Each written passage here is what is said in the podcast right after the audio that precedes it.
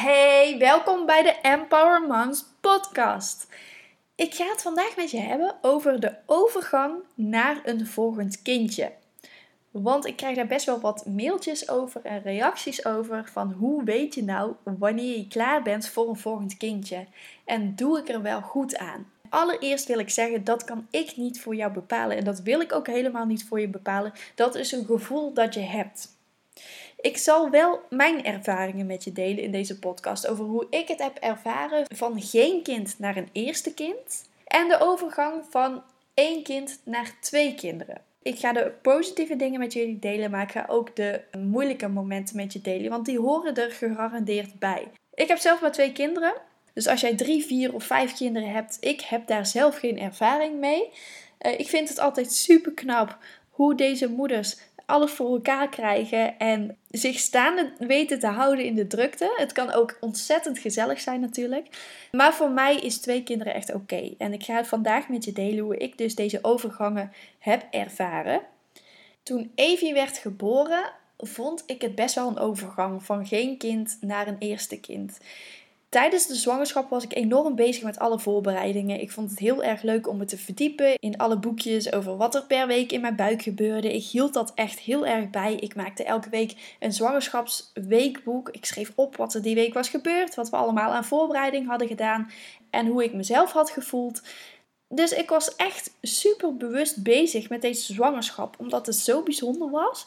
Omdat ik dit altijd al had gewild. En toen was ik gewoon zwanger. Wow, weet je, ik kreeg een kind. En toen zij werd geboren, vond ik het dus best wel een omschakeling van geen kinderen naar een eerste kind. Want je bent volkomen afhankelijk van je kind eigenlijk. Je kunt niet meer zomaar weg. Je moet altijd rekening houden met je kind. Wanneer die moet eten, uh, wanneer hij schone luier nodig heeft, wanneer hij moet slapen. Daar ben je continu in je hoofd mee bezig. Dus je bent eigenlijk steeds dingen aan het plannen. Ook mijn kraamvisite bijvoorbeeld. Hè, wanneer kan de kraamvisite komen? Wanneer moet mijn kind slapen? Visite moet niet te lang blijven, want als mijn kind niet slaapt, dan wordt ze heel onrustig. Dat soort dingen. Daar ben je best wel gefocust op. En je wilt alles heel erg goed doen. Ik merkte dat ik zelf ook best wel onzeker werd over bepaalde dingen. Van deed ik het allemaal wel goed? En dan zat ze bij mij op de bank. Ik weet nog één keer, ik had echt enorme dorst en ik had enorm veel honger en ik durfde de bank niet af, want ze lag lekker in mijn armen te slapen. En het had heel lang geduurd voordat ze eindelijk in slaap was gevallen. Dus ik durfde niet op te staan. Dat weet ik nog heel goed. Dus ik had mijn man geappt en zei van, nou, ik heb zo'n dorst, ik heb zo'n honger en ik kan de bank niet af, want hè, anders wordt Evie wakker en uh, ik weet ook niet hoe lang dit gaat duren hij zegt, ja, maar leg het dan gewoon even in de box of zo. Ik zeg, nee, dat kan niet, want het heeft al zo lang geduurd voordat ze ging slapen. En uh, uh, stel dat ze weer wakker wordt, dan, dan is ze helemaal chagrijnig omdat ik haar wakker heb gemaakt. Weet je, dat soort dingen. Daar ben je echt helemaal mee bezig. Als ik nu terugkijk, dan sloeg het helemaal nergens op. Ik denk, ja, leg dat kind gewoon even in de box en haal gewoon even iets te eten en te drinken. Nu zou ik dat gewoon doen. Maar op dat moment, weet je, ik was net bevallen en je, je bent zo bezig met je kind en met alles wat er zou kunnen gebeuren. Dus je wilt er ook absoluut niet wakker maken als het al heel lang heeft geduurd voordat ze in slaap viel. Dus dat soort dingen, dat kenmerkt het ouderschap bij een eerste kind heel erg. Dat je heel erg overbezorgd kunt zijn. Dat je heel erg bezig kunt zijn met de behoeftes van je kind. En daarbij jezelf ook wat uit het oog verliest. Je leert er ook van, hè? Je leert er ook van, want de volgende keer had ik het dan heel anders gedaan. Ik weet ook nog wel dat ik Evie niet zo goed uit handen durfde te geven. Tenminste, ik durfde het wel, maar ik vond het eigenlijk wel fijn dat ze continu bij mij was. Na drie maanden ben ik ook weer gewoon aan het werk gegaan, drie maanden na mijn bevalling toen kon ze ook gewoon bij mij blijven, want ik werkte thuis en dat ging eigenlijk prima. Ik plande klantafspraken, plande ik op de momenten dat zij sliep. Op de momenten dat ze wakker was, had ik aandacht voor haar en deed ik ondertussen ook nog wat werk. En dat lukte eigenlijk prima. Dus de eerste keer dat zij alleen naar opa en oma ging, was zij al zeven maanden oud. Dat was voor het eerst dat zij dus een dagje wegging. Eerder was zij nog niet weg geweest. Eerder was zij nog niet een hele dag bij mij vandaan geweest. Dat was wel echt een moment hoor. Dat vond ik best wel spannend. En oh jeetje. En de hele tijd contact hebben met, met opa en oma natuurlijk. Van hoe gaat het? En hoeveel heeft ze gedronken? En uh, slaapt ze wel goed? En dat soort dingen. Echt die overbezorgde moeder. Die eerste maanden, dat weet ik nog wel. Maar het was ook heel leuk. Ik vond het ook heel leuk om haar gewoon bij me te hebben. En ik genoot ervan. Ik genoot echt van haar en vond het fantastisch. En eigenlijk kwam ook al vrij snel het idee van hoe zou het dan zijn met een tweede kind? En het begon te kriebelen. Na negen maanden was ik dan ook weer zwanger. Negen maanden na de bevalling, best wel snel. Uh, was niet helemaal gepland overigens, want eigenlijk mocht ik nog helemaal niet zwanger worden omdat ik een keizersnede had gehad bij Evie. Dus ik zou het eerste jaar eigenlijk niet eens zwanger mogen worden. Maar wij hadden zoiets van, nou ja, weet je, ik zal heus die eerste keer niet zwanger worden. Um, waarschijnlijk duurt het gewoon weer een paar maanden voordat ik zwanger ben. Dus laten we er maar op tijd mee starten, weet je wel, met dat idee. Nou, toen was ik dus in één keer zwanger. Uh, dus negen maanden na de bevalling was ik alweer zwanger van Finn. Wat dus best wel snel was. Ik merkte het ook wel. Lichamelijk was het een stuk zwaarder. Ik had heel veel last van mijn bekken. Ik moest heel veel overgeven. Ik had hyperemesis. Ik kon geen eten binnenhouden. Ik kon geen drinken binnenhouden. Het was echt een hele zware zwangerschap. Ik kreeg toen ook weer een keizersnede. En toen wij thuis waren, was het eigenlijk ook wel meteen weer gewoon. Weet je wel, het was natuurlijk wel even wennen met twee kinderen, maar het wende al wel vrij snel. Finn had wel een aantal complicaties de eerste weken, waardoor die eerste weken ook best wel pittig waren, best wel zwaar waren. Ik ben toen heel vaak ook naar het ziekenhuis met hem geweest en naar verschillende dokters geweest. Dit heb ik allemaal uitgebreid behandeld in mijn podcast over mijn bevallingsverhaal, over wat er toen allemaal is gebeurd. Dus dat zal ik hier ook niet verder gaan bespreken. Als je dat interessant vindt, luister dan vooral die podcast. En eigenlijk de eerste weken stonden wij in een soort van overlevingsmodus. Uh, we sliepen natuurlijk weinig, want hij moest elke drie uur eten. Evie sliep dan wel door, maar was elke ochtend ook weer rond half acht, acht uur wakker. Dus echt uitslapen zat er niet in. Wat ook weer een verandering was ten opzichte van het eerste kind. Want Evie sliep toen eigenlijk altijd uit tot een uur of negen ochtends.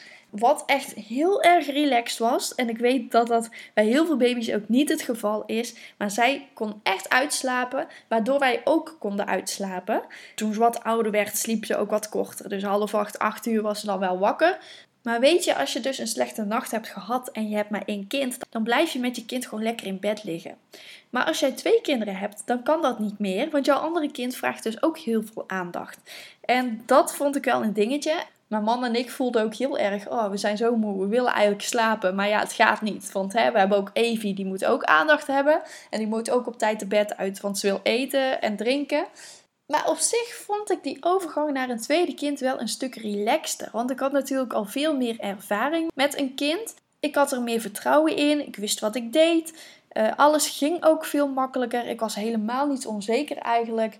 Dus de dingen waar ik bij Evie tegenaan liep, daar liep ik bij Finn eigenlijk niet meer tegenaan. Net als dat voorbeeld van net, van op de bank zitten, je kind op je arm die in slaap valt en niet van de bank af durven te komen. Ja, weet je, dat kwam helemaal niet meer voor. Want het werd allemaal gewoon veel simpeler en uh, ik dacht van, nou ja, dan leg ik hem gewoon in de box, boeiend als hij wakker wordt. Ja, weet je, dan is dat maar zo. Ik moet ook voor mezelf zorgen. Ik moet ook voor mijn dochter zorgen. Dat is een hele verandering in mindset. En wat ik zelf ook heel erg leuk vind, is dat ze weinig leeftijdsverschil hebben. Je merkt echt dat ze maatjes zijn, dat ze echt op elkaar kunnen bouwen, dat ze samen spelen. En natuurlijk zijn er af en toe uh, ook nodige ruzies. Hè? Je ziet ze af en toe echt uh, elkaar slaan. Of Evie pakt dan weer dingen af. En Finn wordt boos en die begint te mappen. En Evie slaat dan weer terug. En weet je, af en toe moet ik gewoon ingrijpen. Maar deze ruzietjes zijn ook heel normaal en horen erbij. Dat hoort bij broer en zus zijn. Maar over het algemeen kunnen ze echt heel erg goed met elkaar opschieten.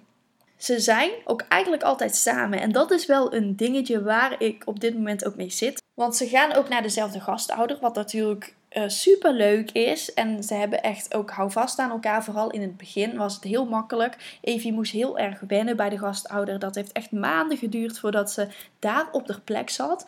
En bij Finn ging het gewoon veel makkelijker, omdat hij dus Evie al had. Hij kende al iemand die vertrouwd voor hem was. Dus hij was meteen gewend eigenlijk. Daar hadden we echt geen problemen mee. Maar wat ik wel belangrijk vind, is om ze af en toe ook gescheiden van elkaar dingen te laten doen. Want eigenlijk zijn ze op dit moment alleen maar niet bij elkaar als ze aan het slapen zijn. Dus daar moet nog wel wat verandering in komen. Vooral omdat Evie over anderhalf jaar natuurlijk naar school gaat. En het dan een enorme verandering zal zijn voor Finn dat zijn zus niet meer de hele dag om hem heen is. Dus om hem daar langzaam aan te laten wennen, wil ik hem daar nu eigenlijk al een beetje bekend mee maken. Dus af en toe moeten ze ook wat dingen gewoon los van elkaar doen en niet de hele tijd dicht bij elkaar zijn. Ik liet Finn ook al sneller naar mijn ouders gaan. Want Evie ging pas met zeven maanden voor het eerst naar mijn ouders. En Finn ging er bijvoorbeeld al met drie maanden al naartoe. Dat was ook helemaal geen probleem voor mij. Dat uh, voelde eigenlijk ook wel van, nou, oké, prima. Jij mag met je zus mee naar opa en oma voor het eerst even weg bij mij. En eigenlijk voelde dat heel erg relaxed, want ik had mijn handen vrij. Ik kon weer rustig aan het werk. Even geen twee kinderen om voor te zorgen. Waar dat bij Evie dus eigenlijk een soort van moeilijk was en ik daar enorm tegen opzag, ging het bij Finn veel makkelijker en voelde het veel natuurlijker en was het echt oké. Voelde het als een soort van opluchting. Goed, weet je, vandaag hoef ik even geen mama te zijn. Eventjes niet voor twee kinderen te zorgen. Dus zo merk ik eigenlijk wel dat met een tweede kind het allemaal veel makkelijker is. En natuurlijk is het drukker, hè. Met een eerste kind heb je veel meer tijd voor jezelf en heb je uh, wat minder dingen te doen. Je hoeft maar voor één kind te zorgen, twee kinderen. Hè. Daar komt gewoon dubbel zoveel werk bij kijken. Dus dat is wel iets om rekening mee te houden als je twijfelt van, hé, hey, moet ik voor een tweede kind gaan of wil ik voor een tweede kind gaan? Maar aan de andere kant is het gewoon ook ontzettend leuk. En als jij voelt van, ik wil er gewoon voor gaan, ga er dan ook voor. Ik krijg ook vaak de vraag van wanneer voel je dat je gezin compleet is? Dit vind ik zelf ook nog steeds een hele lastige vraag om te beantwoorden. Want ja, wanneer is je gezin compleet? Ik weet het niet. Ik vind zelf dat mijn gezin nu compleet is. Ik wilde altijd twee kinderen, een jongen en een meisje het liefst. Dat heb ik nu. Ik heb twee gezonde kinderen. Ik mag niet klagen. Ik ben er hartstikke blij mee. Maar af en toe als ik op straat loop en ik kijk naar een zwangere vrouw, dan kan ik soms met weemoed terugdenken aan mijn eigen zwangerschap. En dan word ik een soort van verdrietig dat ik nooit meer zwanger zal zijn. Dit gevoel is vaak maar heel even. Hè. Dat is gewoon op dat moment dat ik een zwangere vrouw zie. En dat ik denk van wow, dat is toch fantastisch. Zwangere vrouwen zien er zo mooi uit. En die buik en dat getrappel in je buik, weet je. Dat, dat vond ik ook echt geweldig. En dat ik dan denk van dat ga ik nooit meer meemaken. Dat doet me wel iets. Maar op het moment dat ik dan thuis ben en dat ik mijn kinderen zie, dan denk ik van, nou, het is helemaal prima met twee kinderen. Ik hoef er absoluut geen derde meer bij. Ik weet hoe druk het kan zijn met twee kinderen. Ik weet ook dat wij best wel twee pittige kinderen hebben, die ook de nodige aandacht vragen. En ik weet absoluut niet hoe ik een derde er nog zou bij moeten combineren. Dus weet je, voor mij is die keuze best wel helder van ik hoef geen derde meer. Ook al vind ik het af en toe heel erg jammer dat ik dus nooit meer zwanger zal zijn en dat ik dus nooit meer een baby zal krijgen. Dus om die vraag te beantwoorden van wanneer weet je dat je gezin compleet is? Ja, het is een gevoel. Voel het heel erg. Bespreek dit met je partner. Van hoe is jullie gezin nu? Ben je tevreden met het gezin nu? Of knaagt er iets? Heb je het idee van het is nog niet compleet? Ik heb heel sterk het idee van het is nu compleet. Maar af en toe slaat die twijfel nog wel eens toe. Maar daarna denk ik ook weer heel sterk: nee, ik, ik heb absoluut geen twijfel en het is helemaal oké zo. Dus voel vooral van hè, hoe sta ik erin? Zie ik het voor me om nog een volgend kind te krijgen? Of is het helemaal prima zo? Dat is echt een gevoel en daar kan ik je ook verder niet in adviseren. Daar wil ik je ook verder niet in adviseren, want dat is echt jouw persoonlijke keus. Maar dit is hoe ik de overgang heb ervaren van geen kinderen naar één kind en van één kind naar twee kinderen. En de meest belangrijke gebeurtenissen die mij zijn bijgebleven, die heb ik besproken.